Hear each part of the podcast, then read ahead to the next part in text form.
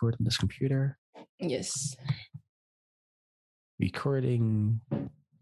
Nice. Uh, aflevering drie is het inmiddels. Uh, het is ons gewoon gelukt om, om bij de derde aflevering uit te komen. Ik ben hier super blij mee. Um, welkom iedereen bij de podcast van Sprakeloos over persoonlijke artistieke beleving. Vandaag gaan we het hebben over representatie met Jessie Koeman, Kevin Groen.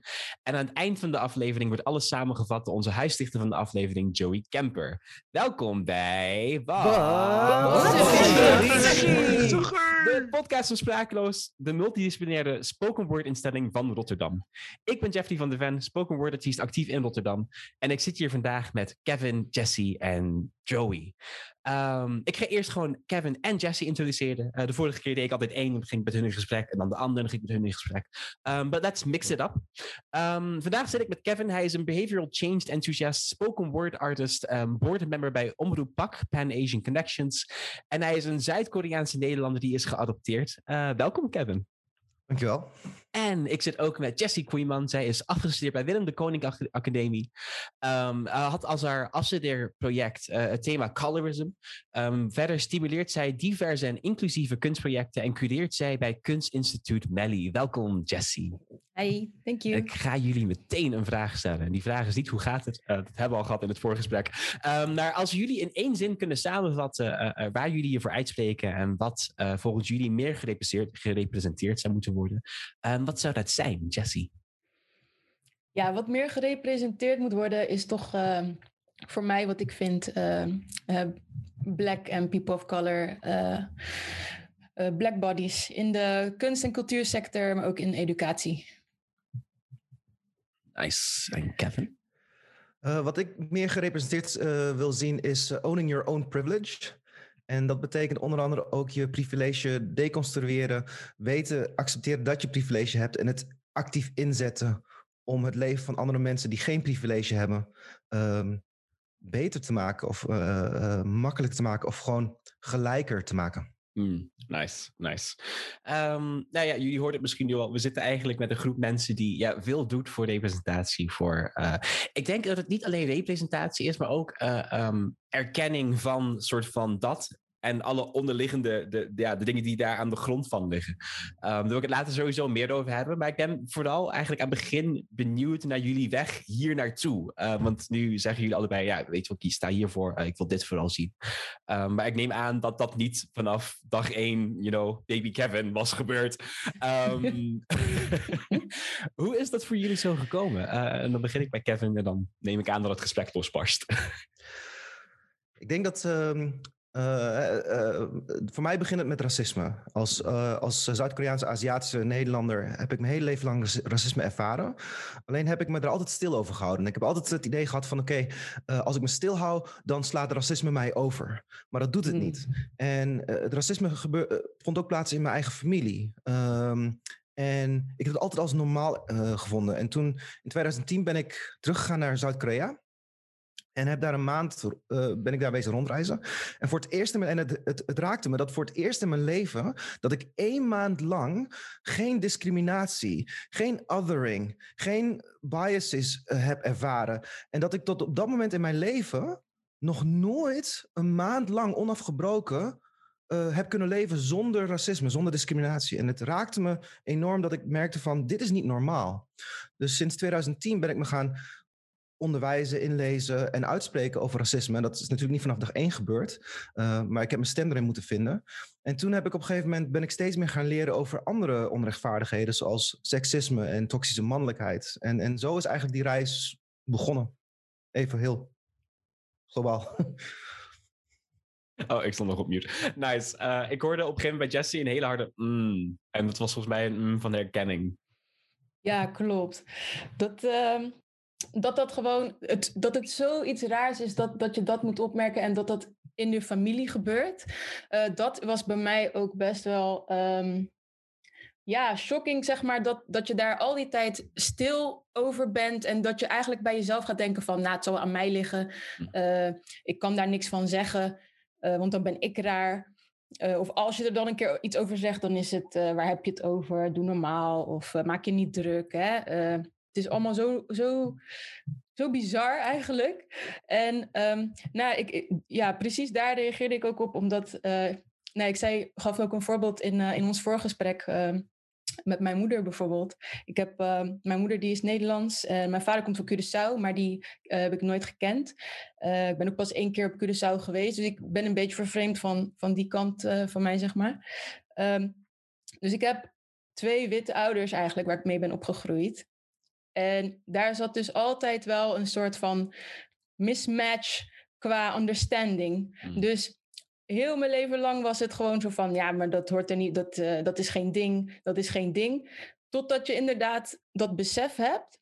En bij mij kwam dat dan uh, op Willem de Koning eigenlijk. Uh, veel later dan jij, Kevin. in 2017 of zo pas. En toen ging ik het ook pas erover hebben en ehm, het aandragen. Maar het, is zo bizar dat ik, ja, word daar sprakeloos van, zeg maar. Maar ik denk ook wel dat het heel uh, uh, menselijk is om. Ik, ik, ik denk van, dat van bijna iedereen de eerste reactie is naar jezelf kijken. Je ervaart dingen en het eerste wat je denkt is: oh, dat ligt vast wel aan mij. Of ik moet er niks over zeggen. Ik denk dat dat bijna iedereen die ik hierover spreek, die heeft al die stap gehad.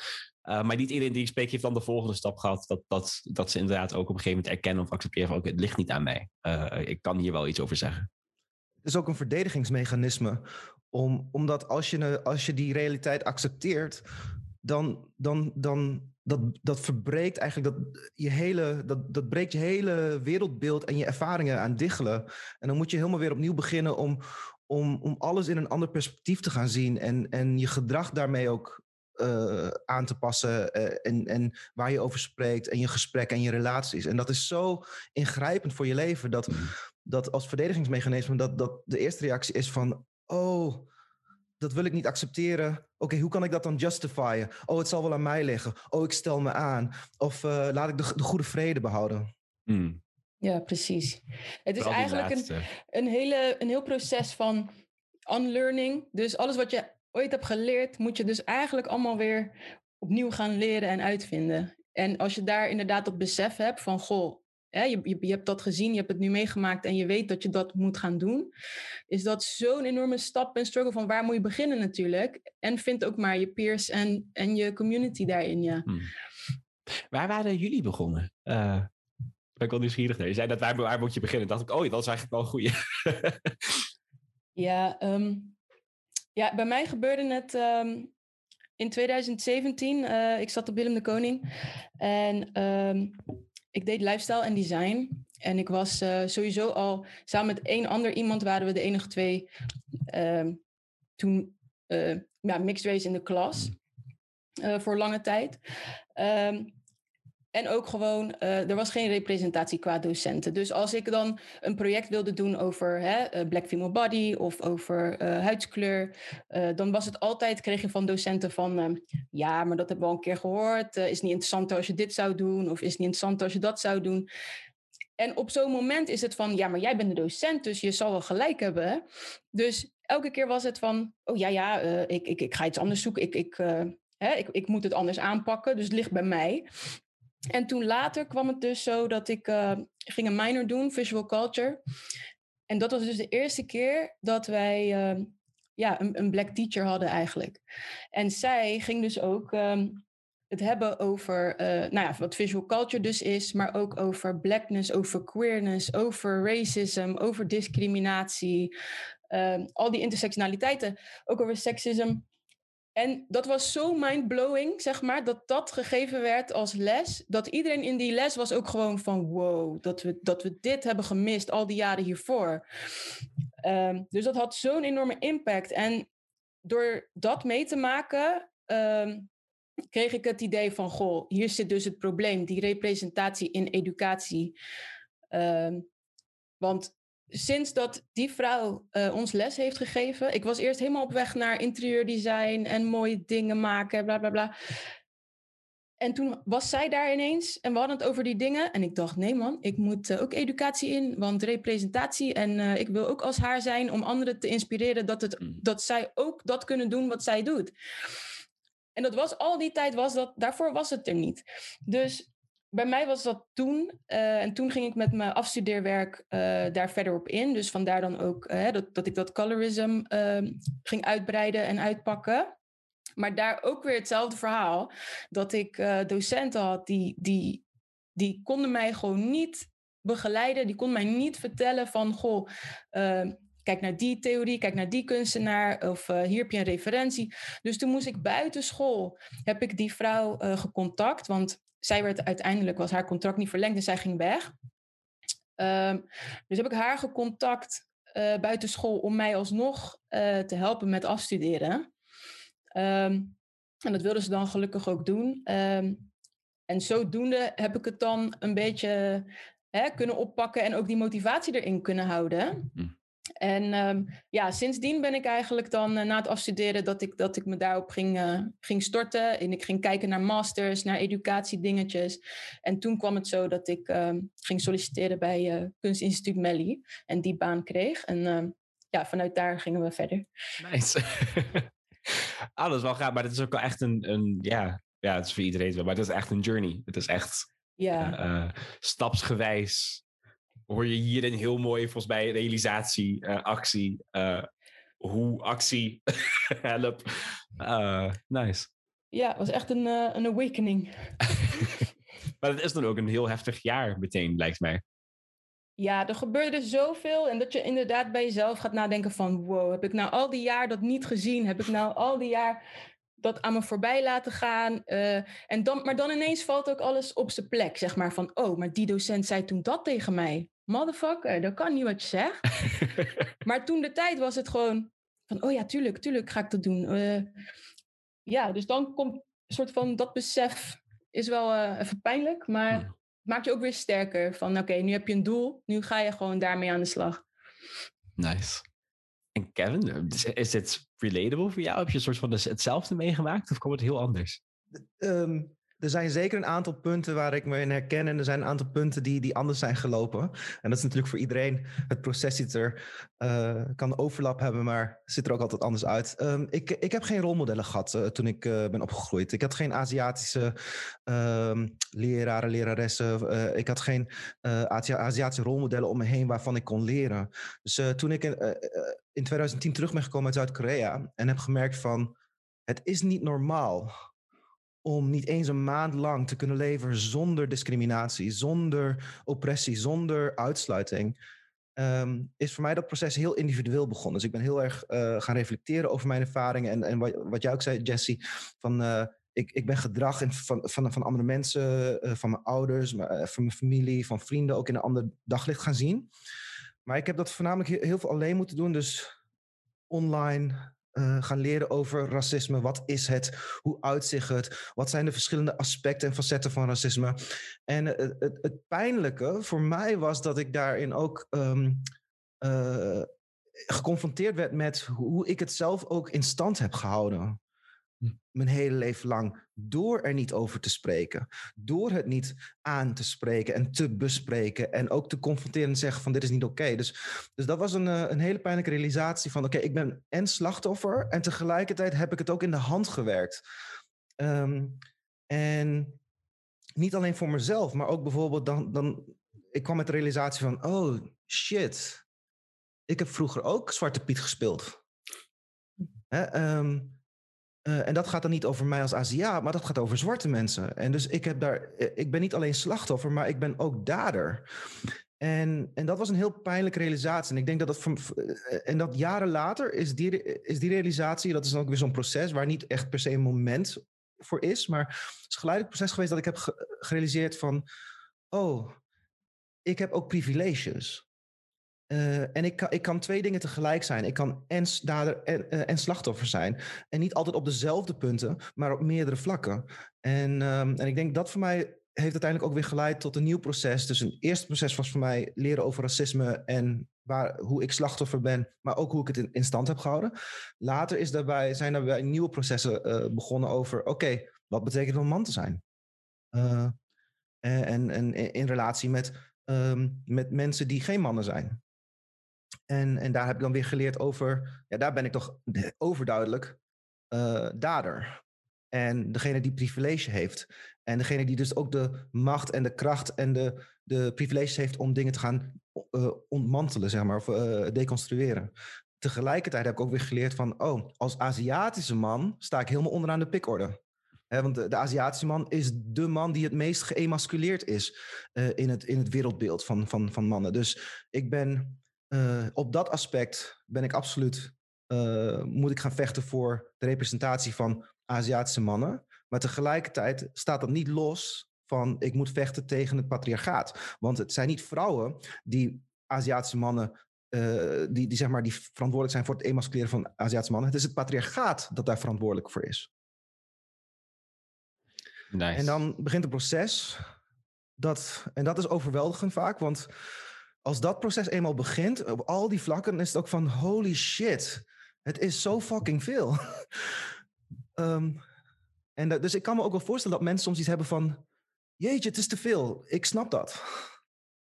Ja, precies. Echt overwhelming. Maar ik vind het wel heel mooi dat je, dat je wat je zegt, uh, dat je die zelfbewustzijn uh, doorhebt. Want wat ik ook dan wel heb gemerkt in veel communities, is dat mensen dat ook niet hebben. Veel mensen hebben dat niet. En die, zeggen, die zijn dan heel erg hè, activistisch en, en die staan voor dingen. Maar dan tegelijkertijd, terwijl ze dan dat aan het doen zijn, uh, doen ze dus zelf mee aan het hele gebeuren waar ze tegen aan het vechten zijn. En één voorbeeld wat ik daarvan kan noemen ook, dat was, uh, dat was een feministische community. En er was dus een, uh, een lecture en een lezing. En ehm, heel veel vrouwen zaten in die, eh, in die zaal en die hadden dan... Eh, die, die, die spraken zich uit van en wij moeten meer verdienen en in verhouding met mannen en wij, wij vrouwen. En dat waren dus allemaal witte vrouwen voornamelijk. En op een gegeven moment zegt er één vrouw, dat was één donkere vrouw, uh, achter in de zaal en die zei... Ja, maar what are you wearing? Kijk, look at your clothes. What are you wearing? Are you shopping at Zara? Are you shopping at... Uh, uh, nou ja, noem maar een paar brands. die dus worden gemaakt door weer vrouwen in Bangladesh... die daar helemaal onderdrukt worden. Dus in hoeverre die zelfbewustzijn er ook is van... Goh, ben ik dan zelf daar ook echt actief in? Dat je dat uh, ja, hebt ondervonden, vind ik wel heel nice hoor. Ik denk dat ik daar, dat is ook wel echt een, uh, een chapeau. Ik denk dat die ook heel uh, pijnlijk is vaak. Je, hebt mensen, ik sta dan voor best wel veel dingen en ik had laatst een gesprek met iemand um, en het ging over mansplaining. En ik ben opgegroeid, weet al, ik heb een hele sterke moeder, ik heb een hele sterke zus. ik heb altijd geluk gehad om altijd omsingeld te zijn door, door hele mooie vrouwenfiguren die ook zoiets hadden van no, no, no, you'll learn. Like, en en uh, ervoor zorgde dat ik, ik denk, relatief bewust was van, van, soort van de, verhoudingen tussen mannen en vrouwen. En dan ging het over maatspelen. Ik denk dat ik werkelijk maar een maand lang met mezelf in gesprek zat van, do I do this? Is dit... Uh, en ook op, uiteindelijk gewoon bij mensen heb gevraagd van, hey, is dit iets wat ik doe? Maar als het en gelukkig was toen het antwoord nee. Maar als het antwoord dan ja is, dan heb je toch... Het antwoord was niet eens ja voordat dat. En dan had je toch nog een hele interne discussie van, oh shit. Ja. Yeah. Uh, help. dus ik denk ook dat, dat soms het, het, uh, um, het bij jezelf vinden ook niet gebeurt, omdat als je dat dan wel begint te doen, it's painful en het sucks. Ik denk dat, dat je soms ook denkt van ja, probeer voor zoveel goed te staan en dan kijk je in de spiegel en dan denk je, oh nee. Dat, en dat gebeurt vaak onbewust. Ja, precies. En dat is waarschijnlijk ook uh, waarom veel mensen dan altijd, als ze er ergens op worden aangesproken, dat ze zeggen van ja, maar het was een grapje. Ja, maar mm -hmm. ik bedoel het niet zo, want ik, ik ben niet zo. Dus meteen in die ontkenning, omdat ze zichzelf dus gewoon nog niet zijn tegengekomen op die manier. Mm. Of niet willen tegenkomen, omdat het inderdaad iets pijnlijks is. Ja, dat vind ik wel. Ja, dat is eigenlijk. Dat stond nu volgens mij de eerste keer dat ik een uitleg heb gehoord van die reactie. Waarvan ik dacht: oh, ja, goeie. Want het is iets waar ik me altijd tamelijk aan frustreer. Dat je dan iets, uh, uh, um, iets benoemt. En dat dan de eerste reactie meteen moet zijn: nee, maar. Mm. Of, of ja, maar. Of altijd een maar, zo te zeggen, om hem terug te kaatsen. Of om de verantwoordelijkheid ergens anders neer te leggen. Um, terwijl het soms ook iets is waarvan ik denk: maar dit is niet. Uh, ik, ik wijs door dit te benoemen niet zozeer mijn vinger naar jou. Ik zeg gewoon: ik zie iets wat niet klopt. Uh, en dat betekent niet dat ik jou de boeman noem of wat dan ook. You know, everyone has this. Precies. En dat, dat is dat, dat, dat, dat het moeilijke is, omdat um, uh, je, je spreekt iemands gedrag aan, maar die persoon, en zeker als het om morele, laten we zeggen, morele kwesties gaat, zoals uh, discriminatie en alle ismen. Mensen horen dat vaak als een identiteitsstatement. Dus ik zeg van, hey, wat jij zegt is racistisch. En dan de persoon die hoort, noem je mij nu een racist? Mm, ja. Nee, nee. eh, Maar één is een gedragsstatement en de andere is een identiteitsstatement. En Mhm. mensen, mensen hebben, wij hebben als, als kinderen op de basisschool eh, of op, op scholen algemeen, hebben we niet, en, en zelfs van onze ouders in het onderwijs en, en onze samenleving, hebben we hebben niet geleerd om te differentiëren tussen gedrag en identiteit. We hebben ook niet geleerd om feedback aan te nemen. Echt de, de, de menselijke skills die we nodig hebben om, om, om goed te kunnen opereren in de samenleving, hebben we niet geleerd in ons onderwijs. Mm. Uh, maar maar dat, dat stukje kunnen differentiëren tussen gedrag en identiteit is zo belangrijk om te leren over oppressie. Um, en dat noemen ze in het Engels noemen ze dat de good bad binary. En ik word daar in mijn, in mijn dagelijks werk continu mee ge- geconfronteerd dat mensen gelijk denken van alleen maar slechte mensen doen slechte dingen. Mhm. Dus, maar nee, goede mensen kunnen onbewust slechte dingen doen. Maar de intentie is niet zo. En dat, dat is het tweede ding wat we moeten kunnen leren differentiëren, is intentie en uitkomst. Ze zijn niet hetzelfde. En mensen uh, focussen bij hun eigen gedrag altijd op de intentie en bij andere mensen hun gedrag altijd op de uitkomst. Mhm. Juist. Dit is next level. Dit is zo waar. Ik zie Joey ook voor de mensen. Ja, ik, ik heb een soort van vier mensen op mijn scherm. Voor de mensen die luisteren. Uh, Joey zit onderaan mijn scherm en die zie ik ook af en toe met de vingers omhoog gaan en snipping to what Kevin is saying. Uh, I wanted that to be known and seen. dit is echt heel gaaf. Uh, maar is dit, oh, Jessie?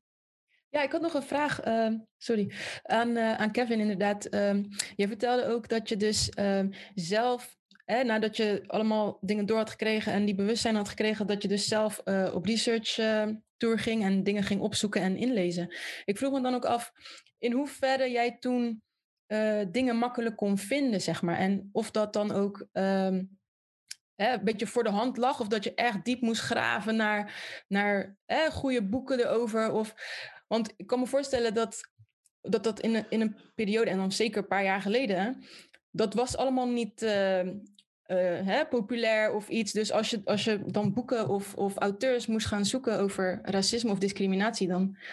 Of ja, hoe, ging, hoe was dat toen voor jou? Ja, goede vraag. Um, het, het, was zeker niet zo mainstream, tien jaar geleden niet zo mainstream als het vandaag de dag is. En ik ben wel blij dat het nu wat bekender is. Um, in eerste instantie ben ik gaan zoeken op, uh, op adoptie. Dus, uh, uh, dus bijvoorbeeld Third Culture Kid ben ik gaan lezen. Um, en, en, en dat heeft mij dan weer inzicht gegeven. En ik weet niet precies hoe dat proces gelopen is, maar volgens mij is het voor mij, ik ben ergens begonnen en dat opende weer deuren naar andere resources. En, en ik moet zeggen, ook tien jaar geleden was er heel veel online al aanwezig. Er was gewoon heel veel informatie tien jaar geleden. Ik bedoel, er zijn activisten die al decennia lang hmm. content eruit gooien. Um, ik denk wel dat het heel belangrijk is, en dat, dat realiseer ik me vandaag de dag. Dus, dus er is genoeg content aanwezig. En je kunt van de ene resource kun je heel makkelijk in de andere geraken. En van de ene uh, bron en persoon kun je heel makkelijk naar een andere komen. Uh, want in dat opzicht is het wereldje toch ook wel weer in zekere zin klein. Um, wat wel heel belangrijk is, en dat realiseer ik me nu later, is. Um, ik heb misschien ook wel geluk gehad. Dat, dat ik niet op de een of andere manier terecht ben gekomen in een soort van incel-forum of zo. Of een, of een rechts, uh, wat meer rechtslenende uh, leaning forum. Uh, want uh, wat ik me nu steeds meer realiseer is de desensitisering of desensitization van, van extreme gedachtegoed is niet zo van, gaat niet over, over een nacht. Je bent niet in één keer plotseling zo geradicaliseerd, maar dat gaat Mm. één forumpost per één forumpost per één forumpost. En wat ik nu merk in mijn werk ook, als mensen gaan leren over unconscious bias en racisme en seksisme, is um, dat, over, dat overwhelming gevoel kan leiden tot een paniekreactie. En als je dan toevallig bij een, bij een post, bij een, een source uitkomt die zegt van nee, jij hebt gelijk en zij hebben niet gelijk, dan kun je heel snel ook uh, uh, um, juist nog extremere gedachtegoeden ontwikkelen ja. over van um, ik ben als man slachtoffer van, het, uh, van vrouwen of ik ben als wit persoon slachtoffer van uh, mensen van kleur. En, en daar heb ik misschien geluk gehad. Mm. Dat, ik, dat ik zonder enige begeleiding daar wel bij de juiste bronnen ben, ben gekomen. En dat is ook een van de redenen waarom ik vandaag de dag ook heel erg uitspreek van uh, mensen die dat proces zijn doorgelopen met privilege, hebben de verantwoordelijkheid om andere mensen die nog, nog niet daar zijn, om ze te begeleiden. Je kunt niet als wit persoon gewoon zomaar zeggen tegen een andere persoon van Google het gewoon. Punt. Mhm. Nee, jij als wit persoon hebt de verantwoordelijkheid om die persoon dan te zeggen van... hey, hier heb je een link. Dit boek raad ik je aan, deze podcast. Ik als man kan niet tegen andere mannen zeggen van... fuck you, zoek het maar uit. Ik moet dan als man zeggen van... hey, dit is mijn proces geweest... en dit is een resource die voor mij heel nuttig was. Alsjeblieft. Hmm. Bijvoorbeeld. bijvoorbeeld. Maar, Ja. Denken jullie dat eh, ehm, representatie, of meer de lack thereof, of tenminste, nee, laat ik een positief houden. Denken jullie dat, dat eh, meer representatie, of een eh, juistere representatie, misschien het correcte woord, eh, hier ook heel erg in kan bijdragen? Ja, zeker. Zeker, zeker. Ik denk dat ehm, als je gaat kijken naar, naar, naar minderheden in society, eh, van jongs af aan is dat natuurlijk is dat al een, een issue. Alleen heb je het dan niet door. Maar als je ook kijkt naar bijvoorbeeld eh, fashion world, hè, eh, op mode, mode van die billboards of eh, in magazines, eh, mensen die je zag op tv. Wij zagen onszelf niet op tv. Wij zagen onszelf niet op die mode billboards.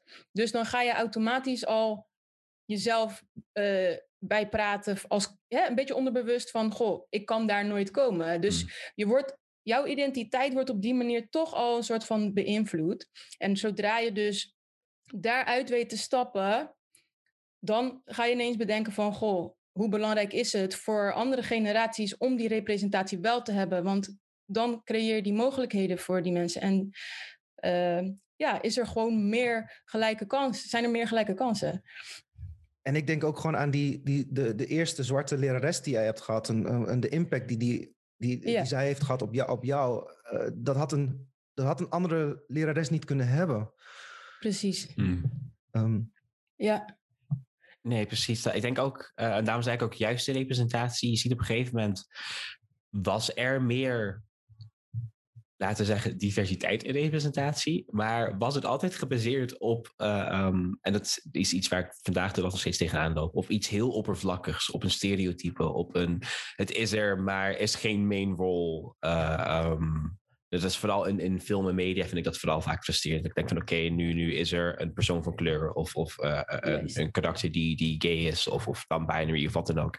En dan komt het neer op een heel slecht stereotype. En dan denk ik, ja, hier doe je eigenlijk, of tenminste, dan vraag ik me af, doe je hier dan iets goeds mee? Of heeft het eigenlijk een, een, sle- een verslechterend effect? Op, super eh, toch? impact. Super slechte impact. Ik, ehm, eh, ik denk goed voor, heel veel mensen begrijpen vaak niet hoe socialisatie werkt en, en hoe, eh, hoe, hoe representatie werkt. Eh, ze begrijpen soms wel in het algemeen waarom representatie belangrijk is, maar begrijpen vaak eh, de, de, de ins en outs niet. En eh, een voorbeeld dat ik vaak gebruik is als, je, als, als ik mensen vraag van denk eens, eh, wat is een dier wiens, wiens naam begint met een O? De letter O. Dan heeft iedereen gelijk een dier. eh, eh, eh, en het is vaak of olifant of ooievaar. Mhm. En, ehm, en ik dacht ook aan olifant. Ja, precies, Oliver. en, en, maar het meest interessante is de vervolgvragen. En de vervolgvragen zijn waarom dat, precies dat dier? Want niemand in jouw leven heeft je ooit gezegd, bewust, van als er iemand ooit vraagt, eh, noem een dier wiens naam begint met een O, dan moet het dit dier zijn. Niemand heeft dat bewust ooit gezegd en, en als doel gesteld. En toch is dat het dier wat in ons opkomt. Waarom is dat zo? En waarom bijvoorbeeld niet okapi? Mhm. En heel veel mensen die zeggen, okapi? Wat is een okapi? Ehm, en dat is dus de rol van representatie. We, we, we, ehm, omdat olifanten als dieren veel meer in gezegdes voorkomen, veel meer in kinderboeken voorkomen, veel meer in brochures voorkomen, is dat het eerste dier wat we vaak eh, de meeste mensen gelijk in hun hoofd hebben. Eh, en niet een okapi komt nergens voor. Dus je moet heel bewust gaan zoeken naar okapi om het op je netvlies te hebben. Ehm, en dat is dus de rol van de representatie. Dus als mensen dan denken van noemen ze een goede acteur, actrice, noemen ze een, eh, een leider, noemen ze een eh, goede artiest, Hm. dan is dat vaak dan ook eh, de, de norm die, die in hun hoofd is. In dit geval vaak wit. En een, een andere voorbeeld dat ik, wat het vaak ook beschrijft is... heel, veel mensen hebben, heel veel mensen hebben thuis buiten in de portiek of binnen in het huis een trap. Binnen in het huis eh, is er een grotere trap. In het portiek buiten is een heel klein trapje. En die trap zien we elke dag. En die trap gaan we elke dag op en neer. Ehm, en als ik ze dan vraag van... Hey, hoeveel treden heeft die trap precies? Bijna niemand weet het antwoord. Mhm. Dus het is interessant, hè? want je ziet die treden elke dag... maar je weet niet hoeveel treden zijn. Zelfs niet bij een portiektrapje dat maar vaak maar vijf, zes treden heeft. En uh, de reden waarom dat zo is, is dat wij elke dag die trap wel zien. En die trap is ook echt. En we weten precies waar die trap is. En we weten precies hoe die trap loopt.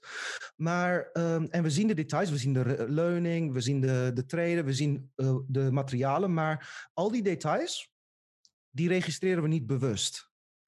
Dus we weten dat het geraamte er is, maar we, we, herkennen bewust de details niet. En dus um, we weten dat racisme, seksisme bestaat, maar we zien vaak de details niet.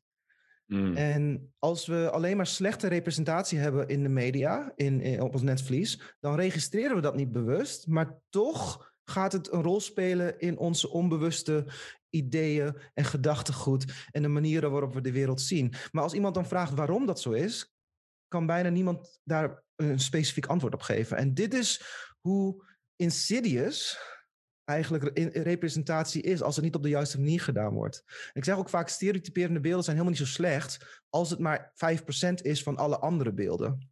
Juist. Hmm. Maar voor minderheden is het vaak 95% van de, van de beelden dat stereotyperend is en maar 5% een juiste representatie. Ja, ik denk ook vooral omdat het 95% is, is het voor kleinere kinderen. Als ik terugkijk, is het als kind uh, veel naarder. Uh, weet je, als je ouder bent, heb, je, heb je op een gegeven moment een community om je heen. Je kent je mensen, je hebt je mensen gevonden. Je komt uh, de verhalen tegen, zo te zeggen, die zo'n beeld echt maken en de details geven. Um, maar als je jonger bent en je ziet het niet, uh, of je ziet alleen een soort van één versie van dat verhaal, dan heb je ook meteen zoiets van, oh, is dat is dat het? Is dat waar, is dat waar je naartoe moet groeien? Is dat de enige uh, uh, uitkomst ervan, I guess? Um, dus ik, ja, ik denk op, voor, voor kinderen lijkt mij het pijnlijker of meer impactvol. Niet pijnlijk omdat ze het dan nog niet doorhebben. Pas wanneer ze ouder zijn, denken ze, oh. Um, maar, maar ja, is het, is het moeilijker, lijkt mij. Ja, want eigenlijk is het ook zo dat je zelfs als kind, je bent daar dan niet per se mee bezig, maar je onderbewuste slaat dat gewoon op. En dan zoveel jaar later komt dat ineens weer van, oh ja, maar dat heb ik toen gehoord of geleerd, dus dat zal het zijn. En dat is ook een klein beetje wat onderschat wordt, denk ik, in zijn geheel met, met, met kinderen. Uh, hoeveel impact dingen kunnen hebben. Mhm. En dat wordt altijd een beetje, ja, dat, dat is ook wel een aandachtspunt, vind ik hoor. Ja, als, als klein kind was ik me niet bewust ervan dat Aziatische mannen bijvoorbeeld uh, amper uh, uh, in de media, in de samenleving gerepresenteerd zijn op een volwaardige, complexe, menselijke manier. Hmm. Dus, dus, ik, ik kan me dat niet bewust herinneren. Maar toch, toen ik een tiener was, wou ik plastische chirurgie. Um, om witter te zijn. Ik wou, ze noemen het ooglidcorrectie. Hè? Dat is, dat is, daar zit sowieso al de fout in, want mijn oogleden moeten gecorrigeerd worden. Ik wou uh, uh, mijn neus laten doen. Ik wou hormonen slikken. Ik wou mijn benen laten breken en ze laten op, op, oprekken, zodat ik dan langer zou zijn. Waar dat precies vandaan kwam, ik kan er de vinger niet op leggen. Maar toen ik een tiener was, wist ik al wel dat ik als Aziatische man niet aantrekkelijk was. Hmm. En dat is dus, ja, dat is dat. dat uh, dat het zo onbewust werkt en zo gesocialiseerd is, dat maakt het zo gevaarlijk. Omdat niemand precies de vinger erop de, op de plek kan leggen van waar precies komt het vandaan, het specifieke moment, de specifieke source. Maar het is een opeenstapeling van die, die onbewuste beeldvorming, jaar in, jaar uit, jaar uit. En dan ben je in één keer 15 en dan heb je een bepaald beeld van jezelf en van de wereld. Het is ook echt pijnlijk om nu nog te horen dan, hè? Dat, je, dat je dat zo hebt ervaren. Ik heb daar ook uh, wel dingetjes mee toen. Inderdaad, in, in die puberteit. Vooral die puberteit, wanneer je jezelf gaat vormen. Uh, ja, ik heb toen ook hè, mijn haren gestreed. Uh, het moest allemaal stel. Ik ging de deur niet uit als het krullend was. Uh, ik bleef expres binnen als de zon buiten scheen, zodat ik lichter werd ook. Mm. Ja, je zei gewoon, ik zei ook gewoon afspraken af als ik niet ja, je wilde gewoon niet meer naar buiten, niet meer. En je bent jezelf aan het, aan, het, aan het verschuilen, want het is niet de norm, het is niet normaal. En dat is dus ook het hele, de hele link naar representatie. Als wij daarvoor, die paar jaar daarvoor, uh, mensen hadden gezien die op ons leken in bepaalde posities of gewoon uh, die succes hadden of niet eens per se succes, maar in, in een rol van uh, nou, een docent of hè, iemand die in, inspiratie geeft, dan zou je dat al niet hebben. Mm. Want dan had je al het idee van, goh, die persoon die heeft het ook gewoon gemaakt in society en die kan ook gewoon normaal de deur uit, dus dan kan ik dat ook. Maar dat was er dus niet. Nee, ik denk dat dat wel. ehm, ik kijk terug, ik ben een soort van stilletjes aan het reflecteren terwijl jullie aan het praten zijn. Er komt zoveel naar boven. Ehm, maar ik, als ik dan hier naar luister en terugkijk, ik heb het geluk dat ik vanaf mijn tiende tot mijn vijftiende in Nigeria heb gewoond. Ehm, en daardoor leer je eh, eh, op basis, in ieder geval het, het, eh, het, de rasdiscussie, in mijn interne rasdiscussie, zullen zeggen, die was daardoor in ieder geval een stuk minder heftig Vooral omdat het ineens om je heen zat. Like in Nederland, ja, nee. Maar toen kom je, dan kom je in Nigeria terecht en is iedereen van kleur. Uh, uh, en zat ik op een school met, met heel veel nationaliteiten. Um, en dat maakte wel dat misschien representatie in de media heel anders was. Maar in ieder geval in mijn omgeving was die representatie ineens heel anders. En kon ik trots zijn op, op Nigeriaans zijn. En kende ik uh, een heel deel van mezelf die ik daarvoor iets minder goed kende. Um, een stuk intenser, I guess. Um, maar ik had het dan, ja, dan niet met homo's. Want ja, hè, die waren toen nog niet heel erg mm. in beeld, überhaupt. En het enige voorbeeld. Ik wist, er was een serie, het heette Brothers and Sisters. Die kwam in, in, nou, ik denk in het vroeg 2000 kwam dat uit.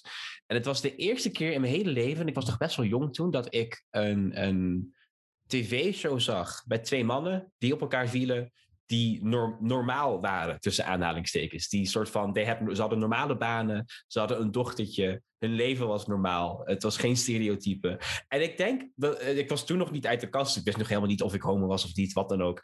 Uh, maar ik weet wel dat ik dat toen zag en voor de eerste keer in mijn leven dacht, oh, Like, dit, dit kan. Dit, dit soort van. Dit is het beeld van een normaal leven als homo zijnde.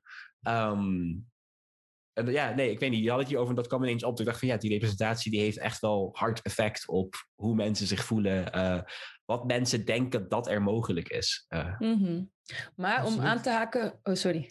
Nee. Ja, oh. Um, om aan te haken bij, bij wat je zei, dat je dus in Nigeria was en dat je mensen, uh, dezelfde soort mensen inderdaad om je heen had. Um, ik ben dus één keer naar Curaçao gegaan om, uh, om mijn familie ook op te zoeken. En uh, mijn ervaring toen was eigenlijk niet zo heel chill, omdat daar iedereen nog zo gebrainwashed is hmm. door kolonialisme. Uh, dus ik kwam, ik kwam daar zeg maar met het idee van, goh, uh, ik kom nu inderdaad op een plek uh, waar ik mezelf helemaal kan zijn. Dus ik had mijn haren los uh, en ik hoefde me niet te verbergen en netjes, netjes eruit te zien of zo. Nou ja, hè, gewoon vakantie, haren los en gewoon be who you are, be free. En ik kreeg daar opmerking na opmerking en nare blik na nare blik. Want mijn haar was los en mijn haar was krullend. En ik zag mijn familie daar voor het eerst. Uh, ik was toen uh, nou, ergens in mijn twintig. Uh, dus voor het eerst dat ik hun heb ontmoet. En ik denk binnen een half uur zegt dus mijn tante tegen mij... na eerst helemaal hyped en oh leuk en bla bla, we love you, bla. Toen was het, ja, een van deze dagen ga ik je haar voor je doen. Dus ik dacht nog, oh, jullie hebben hier de juiste producten voor krullen, jullie weten hoe het werkt, want ik weet dat allemaal niet. En ze zegt, uh, nee, nee, uh, we gaan streten, want uh, dit kan niet, hè. Nou, wat een, dat was echt, het voelde echt alsof er een baksteen op mijn hoofd viel, gewoon. Van helemaal KO, gewoon van hoe te reageren. En de hele vakantie, of ja, de hele tijd dat ik daar was, ik was daar met een vriendinnetje en zij is Nederlands, blond haar, wit. Uh, en hoe zij haar aan het verhemelen waren mm. en zichzelf aan het verontschuldigen waren naar haar. Dat ik, ja, ik, ik, nu ik er ook over heb, denk ik, nee, dat kan niet. Mm. Wat erg. Dus toen dacht ik ook van, ja, dan heb je het over representatie. Je ziet mensen van, van jouw community, jouw familie. Je komt thuis, uh, soort van. En je wordt daar gewoon gereject omdat je eruit ziet hoe je eruit ziet. Omdat ze daar dus zo gebrainwashed zijn door het hele eurocentrische en het kolonialisme um, aspect. Dat het gewoon, uh, ja, ik, ik was daar zo puzzeld door. En ik ben ook niet meer teruggegaan, omdat het me gewoon zo negatief had beladen. Wat ik wel, ik zou wel terug moeten gaan hoor, daar niet van. Maar, uh, nee, maar het lijkt me ook heel pijnlijk om dat dan uh, te ondervinden. Ik ben volgens mij even like, speechless as, en Stuart. Het lijkt me super pijnlijk om dat dan tegen te komen daar. Vooral omdat je waarschijnlijk het tegenovergestelde had verwacht. Nu vul ik het in. Ja, precies. Hmm. Nee, dat is zeker waar. Ja, dus daar is- zijn ook nog veel dingen om te... Ja, Eh, Het geeft ook een heel belangrijk aspect aan van representatie. We- wanneer we het hebben over representatie, dan hebben we het vaak natuurlijk over van we willen meer mensen van kleur zien, we willen meer vrouwen zien, we willen meer eh, mensen met beperking zien, we willen meer neurodiverse mensen eh, volwaardig zien. Alleen, het is allemaal leuk en aardig dat we die allemaal willen uitnodigen. Maar als de mensen die zeg maar, de regie hebben, als de mensen die dat allemaal organiseren, niet hun eigen geïnternaliseerde ismen gaan deconstrueren, eh, dan, dan nodig je veel meer mensen uit in een nog steeds heel onveilige, Hmm. onveilige omgeving. En dus, dus representatie is, is heel belangrijk. Alleen het moet wel samengaan. Dat is hand in hand met mensen die hun eigen privileges gaan eh, eh, deconstrueren en, en Mhm. ehm, ontmantelen. En, en al het geïnternaliseerde en, en, en ook het geïnternaliseerde oppressie gaan ontmantelen. Zeker als, als persoon van kleur moet mijn geïnternaliseerde racisme ook ontmantelen, zodat ik dan beter antiracisme werk kan doen. Ehm, Hmm, true. Nice. Eh, dames en heren, aflevering drie van Wat zeg je? Eh, ik zit hier met drie hele gave mensen. Met Jessie Kooijman, eh, Kevin Groen en er staat nu Mojo onderaan mijn scherm. Maar met Joey Kempees. Uh, Kempees? Nee, sorry. Kemper. Kemper, sorry. Eh, met Joey Kemper. Ehm, en we hebben het over, nou, onder andere representatie, eh, de effecten ervan. Eh, er zijn, ik, ik wou een soort van een, een opsomming geven van wat er tot nu toe gezegd is. Maar er zijn zoveel bizar mooie en sterke dingen gezegd. Ik denk een van de grootste die heel erg blijft hangen in mijn hoofd is identiteit scheiden van gedrag. Omdat dat iets is wat ik tot nu toe eigenlijk niet heb gehoord. Ehm, maar denk ik wel heel erg eh, eh, instrument- instrumenteel is in soort van dit gesprek. En in dit soort dingen ja, nagaan, eh, veranderen. Ehm, ik wilde even checken met onze huisdichter. Zij zit heel gaaf en heel ijverig mee te schrijven. En ik zie af en toe omhoog kijken en met de vinger knippen. Joey, heb jij nog vragen?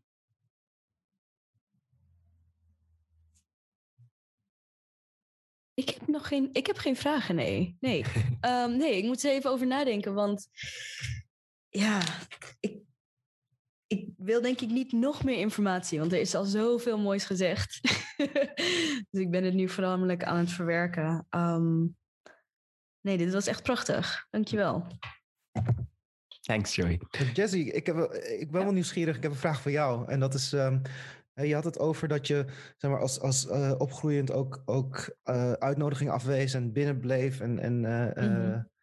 en hoe, hoe- zeg maar, wat heb, wat heb jij, wat is het proces voor jou geweest? Wat zijn de stappen geweest die jou geholpen hebben om nu de ruimte in te nemen die, die jij ook gewoon verdient als mens? Ehm, Ehm, ja, nou ja, het begon eigenlijk, eh, want toen de tijd ging het dus allemaal best wel slecht en het stapelde op en mentaal ging dat dus best wel, ehm hè, eisen het zijn tol. Dus ik zat toen op een gegeven moment ook in de psychiatrie, ehm, waar ook niemand begreep wat nou het probleem was. Hè? Dus ik, was, ik was, kreeg zo'n sticker van, ja, eh, probleemgeval, maar we don't know, dus hier heb je een paar pillen. Hmm. Ehm, en eigenlijk daardoor dat ik aan die pillen moest. En ik had die pillen toen ook wel gewoon antidepressiva, zeg maar. Ehm, nadat ik daarmee ehm, in aanraking was gekomen, dat ik ergens, ik weet niet meer hoe het kwam eigenlijk, maar ineens bedacht ik me van, wow, nee, ik ben niet degene die gek is. Dus ik heb die pillen gewoon ehm, allemaal weggegooid, gelaten. En toen bedacht ik me ook ineens van, nee, eh, dit, eh, dit gaan we even oplossen.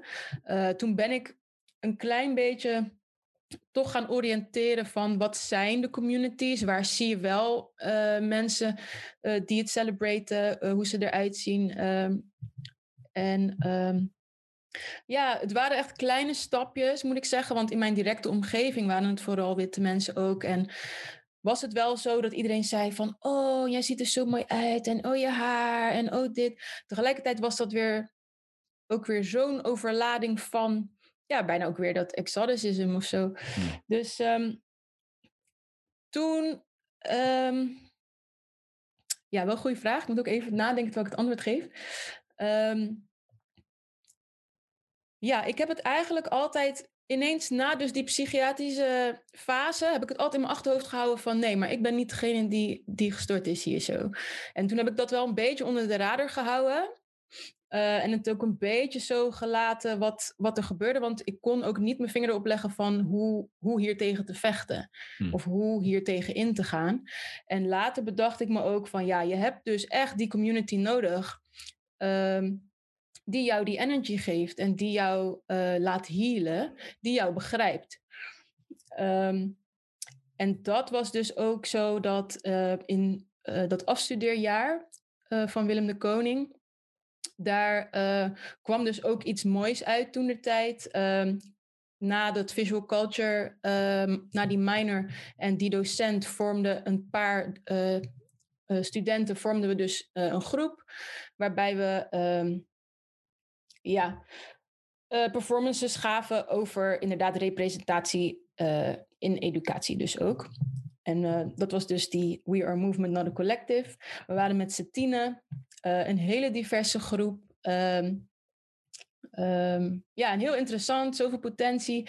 Tegelijkertijd, ehm, terwijl we daarmee bezig waren en die performances gaven ook...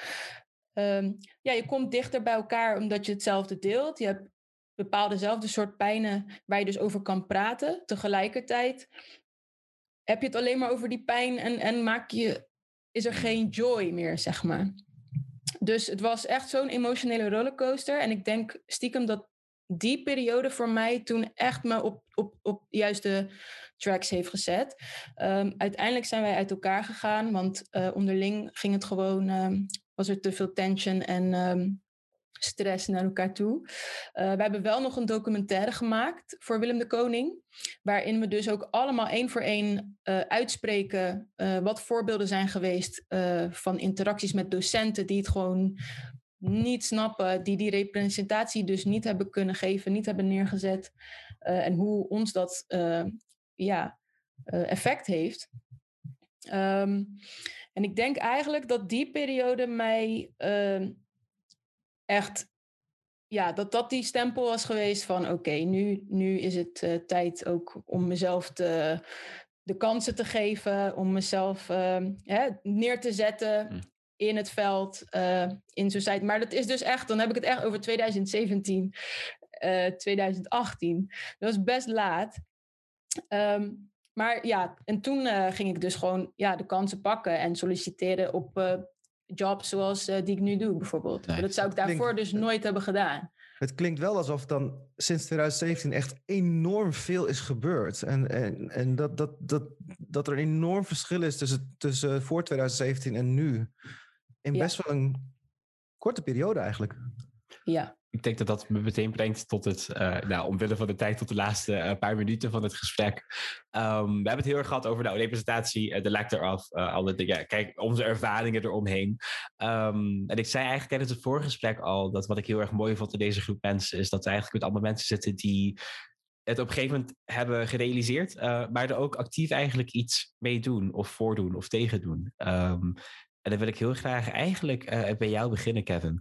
Ehm, met de soort van. ah, nou, twee vragen eigenlijk. Eén, eh, eh, ik weet dat je er veel mee doet. Kan je daar iets meer over uitleggen? Eh, en twee, ik ben ook heel erg nieuwsgierig naar hoe jouw ervaring als, als behavioral enthusiast daar invloed op heeft. Ja, ehm, hoe hou ik me daarmee bezig? Even heel kort, even bullet point. Eén, ik doe heel veel diversity, equity en inclusion werk, professioneel.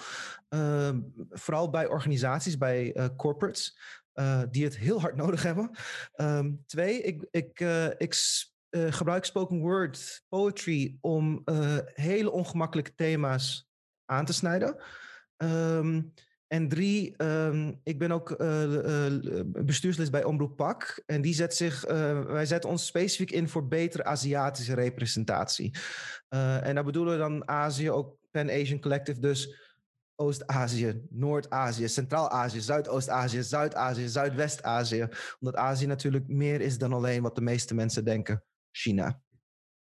Eh, dus dat zijn de manieren waarop ik mij voornamelijk inzet. En gedragsverandering, ja, eh, ehm, ehm, ik ben geen historicus. Hè. Ik, ehm, ik, heb, ik heb geen groot kennis over het koloniale verleden of de, de, de honderden jaren van patriarchaat. eh, eh, eh, en en dus, dus mijn, mijn insteek bij heel veel diversiteits- en inclu- inclusiewerk komt vanuit de gedragsverandering.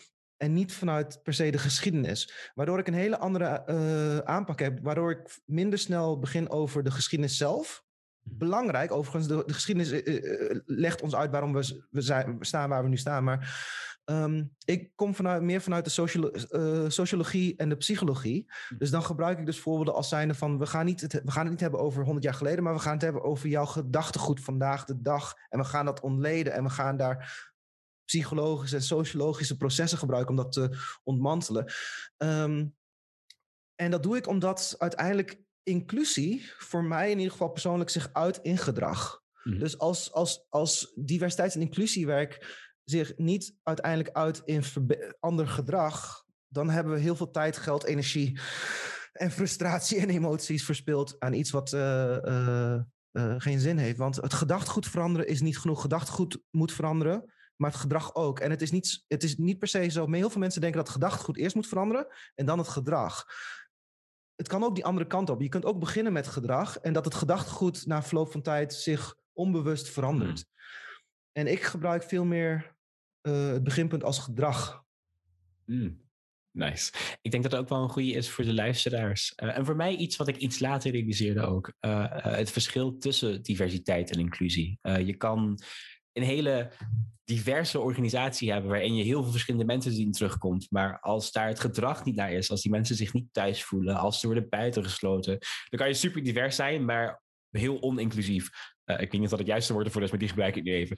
Ehm, en ik denk dat het is mooi dat diversiteit een, een grotere focus heeft gekregen. Maar ik denk wel dat ook organisaties soms denken: oké, cool, we zijn divers, that's it. Like, het werk is gedaan. Eh, en dan achteroverleunen en soort van alle mensen van kleur op een posters plakken. Ehm, terwijl inclusie toch echt wel een volgende stap is. En ik vind hoe jij inclusie net uitlegde echt wel heel mooi. Het is gedrag. Eh, je brengt allemaal woorden aan dingen, aan gevoelens die ik heb gehad, maar die ik nog niet heb kunnen verwoorden eerder. Eh, maar inclusie is echt gedrag. En dat is wel, ja, ik wel mooi. En dan was ik ook eh, ja, aan jouw kant benieuwd, Jessie. Eh, en dan, dus voor de mensen thuis, als ik een soort van mensen zit eh, en als mensen uitnodigen voor deze podcast, ik ga op een hele stalking tirade online en vraag mensen dingen en check hun Instagram en like, it's, so it's, it's quite extensive. Um, dus meestal wanneer ze hier zitten, zijn er ook al dingen die ik van tevoren heb gezien, waar ik denk van, oh, maar heeft dit dan invloed op dit? Uh, dus vandaar mijn vraag aan Kevin. Um, en vandaar ook mijn volgende vraag aan Jessie is, uh, ik, ik weet, en daar heb je eerder op deze podcast ook benoemd, uh, dat je dus een afstudeer afstudeerwerk hebt gedaan over colorism. Um, en, en ja, je werkt nu in, in Mali. Uh, zou je iets meer kunnen uitleggen over ja, hoe jij representatie aangaat? Uh, en, en of slash hoe dat stuk uh, daar invloed heeft, over heeft gehad, op heeft gehad? Ja, precies. Um, nou, ik werk dus bij Kunstinstituut Melly als uh, curator of collective learning. Dus dat is eigenlijk curator slash in educatie. En wat ik daar doe is voornamelijk uh, events organiseren, dus echt programma maken. Um, verweven dan met uh, voorstellen doen voor uh, tentoonstellingen en daarmee ook betrokken zijn. Um, ja, dus voornamelijk die programma's, daar heb ik me wel op gestort om daar zoveel um, mogelijk die inderdaad die inclusie en diversiteit in te brengen, representatie. Want ik vond dus meteen al natuurlijk, dat was al een hele discussie toen ik daar ging werken. Het, het is een wit instituut, het heette Witte de Wit toen de tijd. Dus het was uh, hè, een groot probleem. En ik was dus ook aan de, eerst aan de kant van, goh, dat is een instituut waar echt verandering nodig is. En ik was ook met mijn vinger aan het wijzen. Maar toen dacht ik inderdaad op een gegeven moment van, ja, je moet ook zelf dan, als je verandering wil, doe er dan ook zelf iets aan om die verandering dan uh, te laten plaatsvinden. Dus ik solliciteerde en doen en nou, toen kreeg ik die baan toen dacht ik, nou, dan is dit nu gewoon de kans. En alle kansen die je dus nu krijgt, moet je aanpakken. Dus ik heb um, in de programma's dus meteen... Um, ja, toen bedacht ik me van, oké, ik wil uh, dat kunst voor iedereen is. Uh, ik wil meer uh, black people in dit gebouw hebben. Uh, meer vrouwen in de kunst. ik heb toen events georganiseerd waarbij het niet alleen ging om visuele kunst... wat het dus eigenlijk voorheen voornamelijk is. Hè? Dus dat er schilderijen of installaties en dat je er alleen naar kan kijken en that's it. Ehm, dus het ging heel erg over inderdaad spoken word, eh, muziek, dans, uh, meer die performance art. Want dat is ook gewoon art natuurlijk. Um, dus ik vond het interessant om dat allemaal samen te brengen in events. Uh, en zodat mensen dus over hun eigen practice konden vertellen, van elkaar konden leren. en op die manier flowde dat eigenlijk. Want als ik dan één of twee events had gedaan die dan heel erg al voor bedacht waren en dat ik al wist van ook oh, wil die personen en die personen. Na zo'n event spreek je allemaal nieuwe mensen, ontmoet je nieuwe mensen en daar komen dan weer nieuwe events uit. En die mensen inspireren mij ook weer en die leren mij ook weer. Dus op die manier is het heel erg dat collective learning dan gaande. um, ja, dus op die manier. Um, eentje daarvan uh, Hè, daar, daar, ben je zelf onderdeel van geweest, Jeffrey. uh, wat super tof was, um, um, een klein beetje context te geven, dat was inderdaad um, geframed in het kader van uh, Stuart Hall, The Spectacle of the Other, dat boek, uh, de chapter. Ja, de bedoeling was gewoon, dat was dan een serie, dus een tijd voordat jij er doen, dat event kwam doen, uh, waren er ook andere mensen die daarop reflecteerden. Um, en dan heb je hele interessante gesprekken. En je ziet ook meteen dat daar hele andere uh, mensen op afkomen. Hmm. En dat die mensen ook ineens zoiets hadden van: wow, ik kwam hier eerst nooit, maar nu hebben we het eindelijk over inderdaad dit soort dingen. Uh, en nu kan dat ook gewoon. Dus op die manier ben ik daarmee bezig. Um, dat is dan op werk. En daarnaast uh, doe ik zelf dan ook nog wel uh, wat projectjes. Uh, wat daar ook mee te maken heeft. Ik ben op het moment ehm, samen met een vriend bezig om een online educatief platform op te zetten. wat heel erg gaat over Black History en diaspora. En waarbij we dus willen focussen op ehm, de positieve kant van Black History, zeg maar. Dus meer het belichten van er waren ook kings en queens, er waren kingdoms, er was richdom. Uh, en dat dat meer belicht wordt. Um, ja, zodat er meer die uplifting en positive spirit uh, ontstaat in de community ook. Want je merkt ook in deze hele tijd van activisme um, dat mental health van deze communities ook gewoon, uh, ja, er moet ook joy zijn, zeg maar. Ja. Dus um, daar willen we op focussen en we hopen dat dat tegen de zomer helemaal online is en, en live en kicking. Ja, en ja.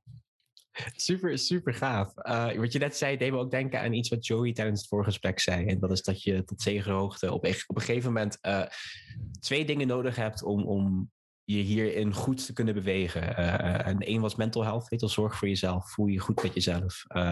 Ik denk dat in dit gesprek dat ook wel naar voren is gekomen dat, dat iedereen eigenlijk wel door, door die stappen heen gaat. En de tweede was community.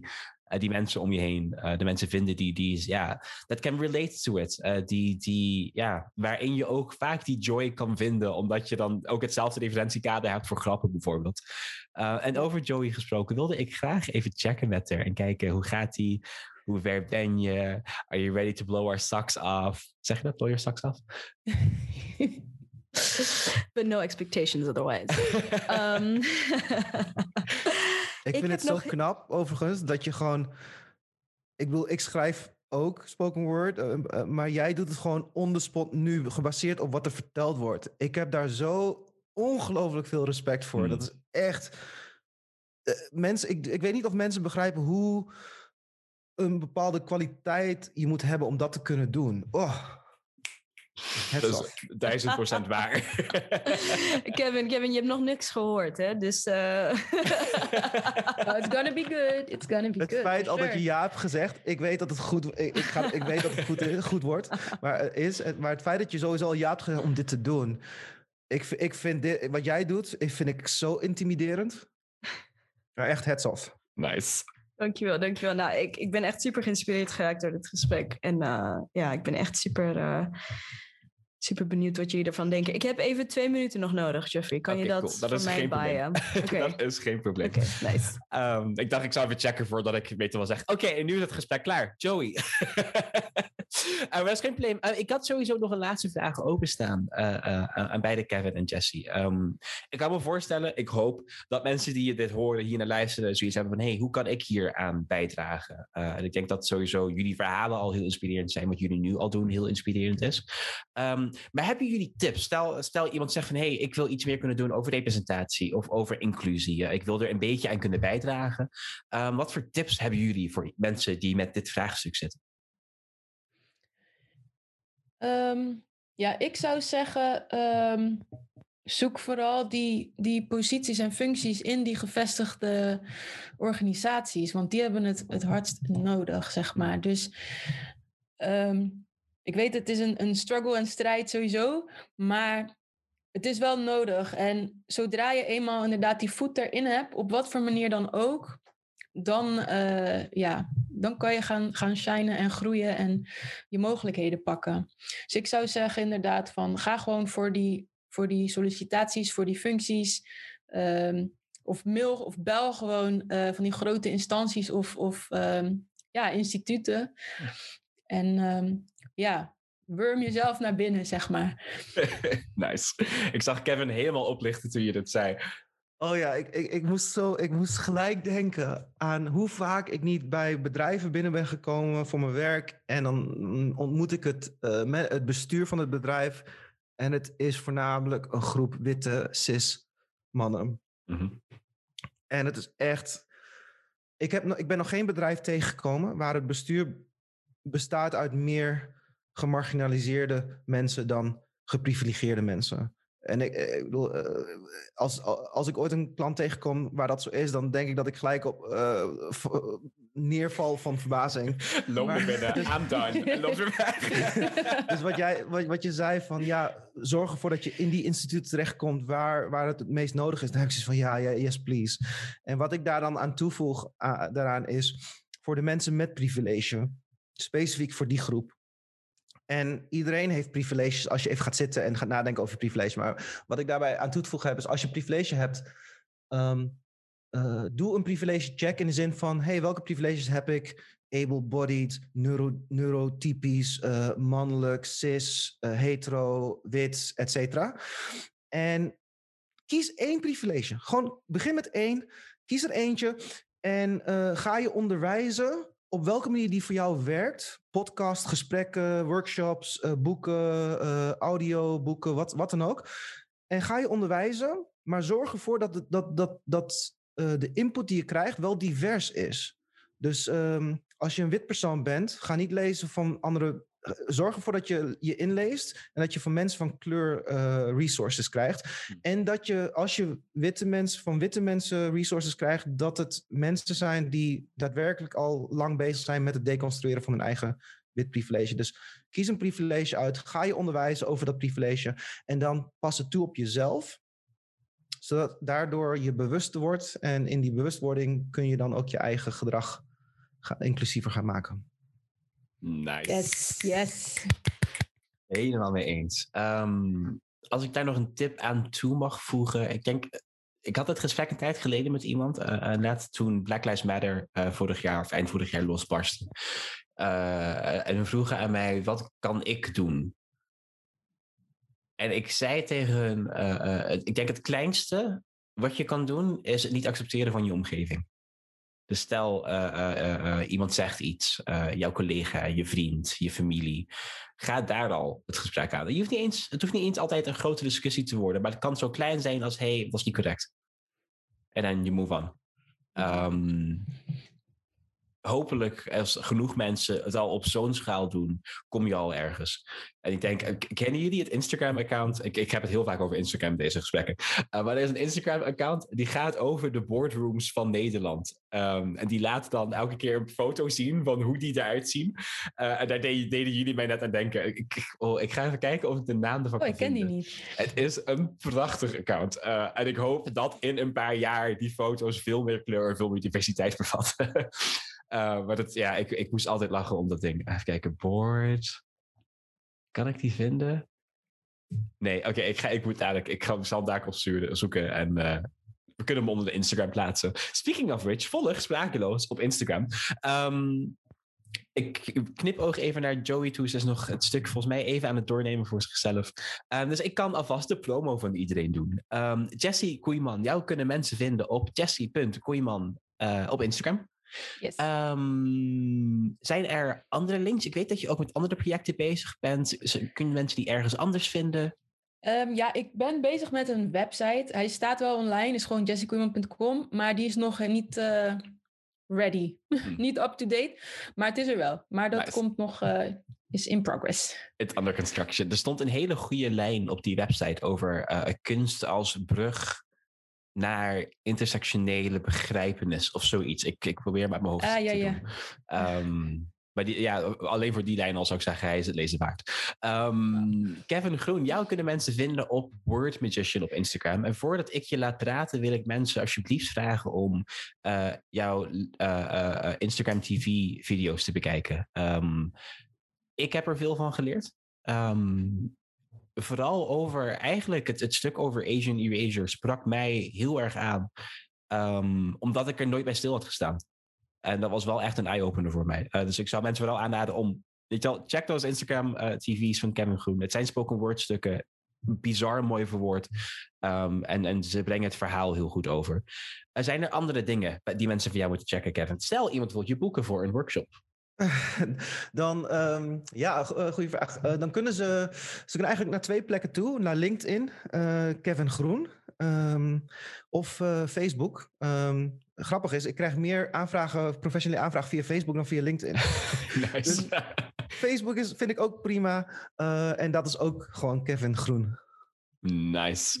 En als laatste hebben we ook Joey Kemper in deze call zitten. Haar kan je vinden op Mojo Joey. Ik ga er later nog meer over vertellen. Um, ik check even met je of je er klaar voor bent.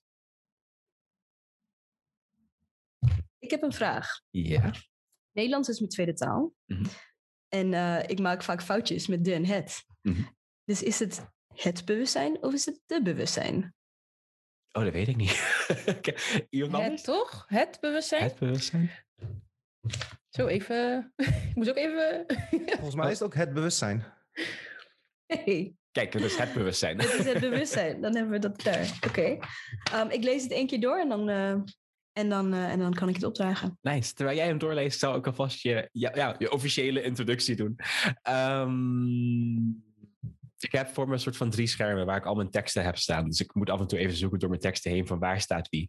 Nou, Joey Kemper is een spoken word artiest, fotograaf en visuele artiest. Uh, ze was lid van Poetry Circle en heeft onder andere op Museumnacht gestaan. Uh, verder werkt zij bij Creative Mornings als community builder.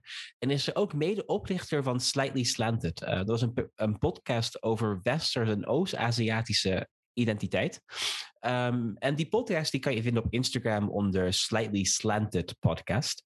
Nu was er een heel mooi woord wat ze had gebruikt om uh, uh, um, dit op te sommen. Ja, ze, uh, het over Waziatische, als ik het goed zeg. Dus dat is de, de abbreviation van West, Westers en Oosters Aziatisch. Um, en zij heeft eigenlijk tijdens het hele gesprek stilletjes mee zitten schrijven om het gesprek op te sommen in een spoken word piece. ze zat voor mij onderaan mijn scherm. Ze dook af en toe ook omhoog om dan te zeggen van, oh nice. dus ik zei soms, ik weet niet hoe ik eigenlijk dit heb gezegd. Maar af en toe zei ik van, hey, ze is ook mee aan het knippen. Uh, zodat mensen weten dat ze, ja, er is. Um, en als het goed is, gaat ze nu een heel gaaf spoken word piece doen uh, ter opsomming van dit gesprek.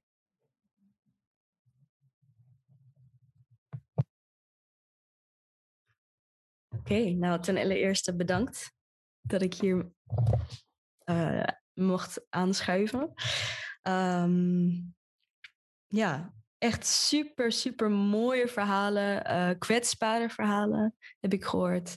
Um, ik vind het, uh, ik vind het echt zo knap dat jullie allebei zo open waren, um, ook over hele persoonlijke dingen.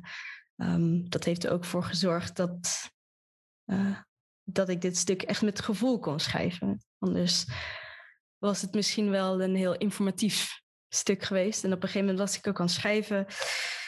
En ik, um, ik had allemaal punten opgeschreven. En toen dacht ik, nou, ik ben volgens mij geen opsomming aan het maken. Ik moet, ik moet verder zoeken.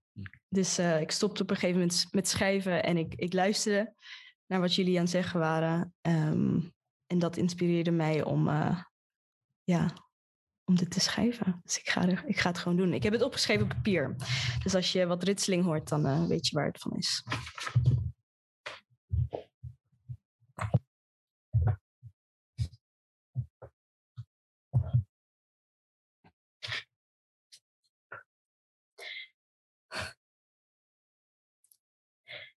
Representatie komt niet vanzelf.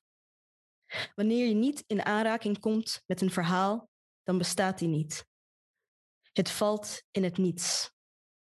Niets is erger dan een ongehoorde stem.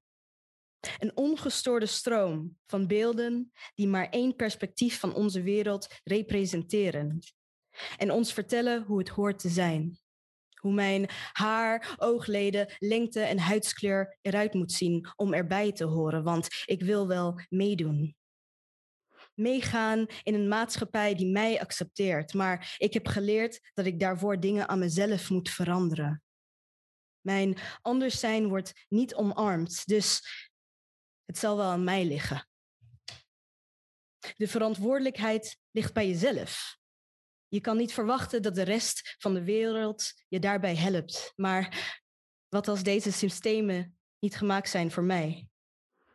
Wat als ze gecreëerd waren door de ogen van een persoon die niks op mij lijkt en ik gepasseerd word? Wat als het werk om deze systemen te veranderen niet bij mij ligt, maar in het bewustzijn van diegenen die ervan profiteren, door mee te mogen bewegen zonder je af te vragen of je erbij hoort, of je er mag zijn. Mijn identiteit is rebels genoeg voor het systeem. Door te ademen bevraag ik de structuur waarin ik leef en ik wil leven. Niet als de stereotypen die je van tv kent, maar als een volwaardig mens in 3D. Doe je bril op en zie mij in al mijn facetten. Mijn processen om dit gesprek met jou te kunnen voeren heeft lifetimes gekost, heeft bloed, levens en tijd gekost. Het feit dat je dat niet wist, of misschien de luxe had om weg te kijken, dat is privilege. Dus blijf hier even en maak dit gesprek met mij af. Dan maak je al één stap naar een betere representatie van mensen als ik, van de mens die ik ben. Dankjewel. Oh. Nice. Uit. Oh. Intens. Wauw. Speechless. Ik Ja. stond, eh, hard sch- ik stond op mute omdat ik heel hard aan het schreeuwen was. En aan het knippen was. En Daar komen wel wat traantjes bij los. die... Thank you. Dat was echt... Ja. Dat was beautiful. Dat was echt heel goed. Ja, geïnspireerd op jullie. Die ging wel diep hoor. Die was, ik was ook echt even inderdaad eh, emotioneel. Ja, ik voel hem ook. Ik krijg hem al. ja, ja, ik bedoel, dit is. pff, ik, eh, ik herken me in zoveel wat jullie hebben gezegd tijdens het gesprek. Ehm, eh, weet je, het feit dat we hier zitten betekent dat we zo'n grote hurdle eh, hebben overwonnen in onszelf. Eh, om, om te erkennen. Nee, om te herkennen dat er een probleem, dat er iets mis is. En dan om te erkennen wat ons deel daaraan is en wat van iemand anders zijn verantwoordelijkheid is. En die gelaagdheid in te gaan, dat, dat, dat zijn processen waar heel veel mensen zich misschien nog nooit mee bezig hebben gehouden. Mm. Maar dat zorgt er wel voor dat wij door de wereld heen kunnen bewegen op een bepaalde manier wat heel waardevol is, eh, heel complex is, ehm, maar, maar met heel veel kracht. En dat is misschien ook waar wij allemaal onze kracht van uitputten. Ehm, ja, dus eh, daar, is een beetje de, het gedachte achter. Nice. Nee, heel mooi, heel herkenbaar. Ik denk ook dat je de, eh, ehm, de heft ervan heel mooi hebt overgebracht. Heel mooi hebt meegenomen in het stuk. Ehm, Thank you. Wauw. Uh, ik ben letterlijk sprakeloos aan het einde van de Sprakeloos podcast. Dit was echt heel gaaf. Um, ik wil iedereen hartelijk bedanken uh, um, voor dit gesprek, voor jullie openheid, voor het delen van jullie verhalen. Uh, het was voor mij leerzaam en heel mooi om dit te horen. ik denk dat dit verhalen zijn die we niet genoeg horen, um, die we meer moeten horen. Um, en hopelijk hebben we via deze aflevering daar een steentje aan kunnen bijdragen. Um, ik wil alsnog jullie namen herhalen, omdat ik gewoon zoiets heb van ik zit met drie hele gave mensen. En mensen moeten gewoon deze, you know, these names need to be etched in people's memories. Uh, dus ik zit hier met Kevin Groen, hij heet Magician op Instagram. Ik zit hier met Jessie Queeman, zij heet Jessie.Queeman op Instagram. En ik zit hier met Joey Kemper, zij heet Mojo Joey op Instagram. Ga hun volgen, check hun werk. Um, ik heb het gevoel dat jullie soort van nu al bijzonder mooie dingen doen. En ik denk dat die alleen maar mooier en groter en meer impact zullen hebben in de toekomst. Hartelijk dank. Dit was aflevering drie van Wat zeg je? En heb nog een hele, hele fijne dag. Ja, ook bedankt. Dankjewel, Dankjewel Geoffrey. Dankjewel. Best host ever.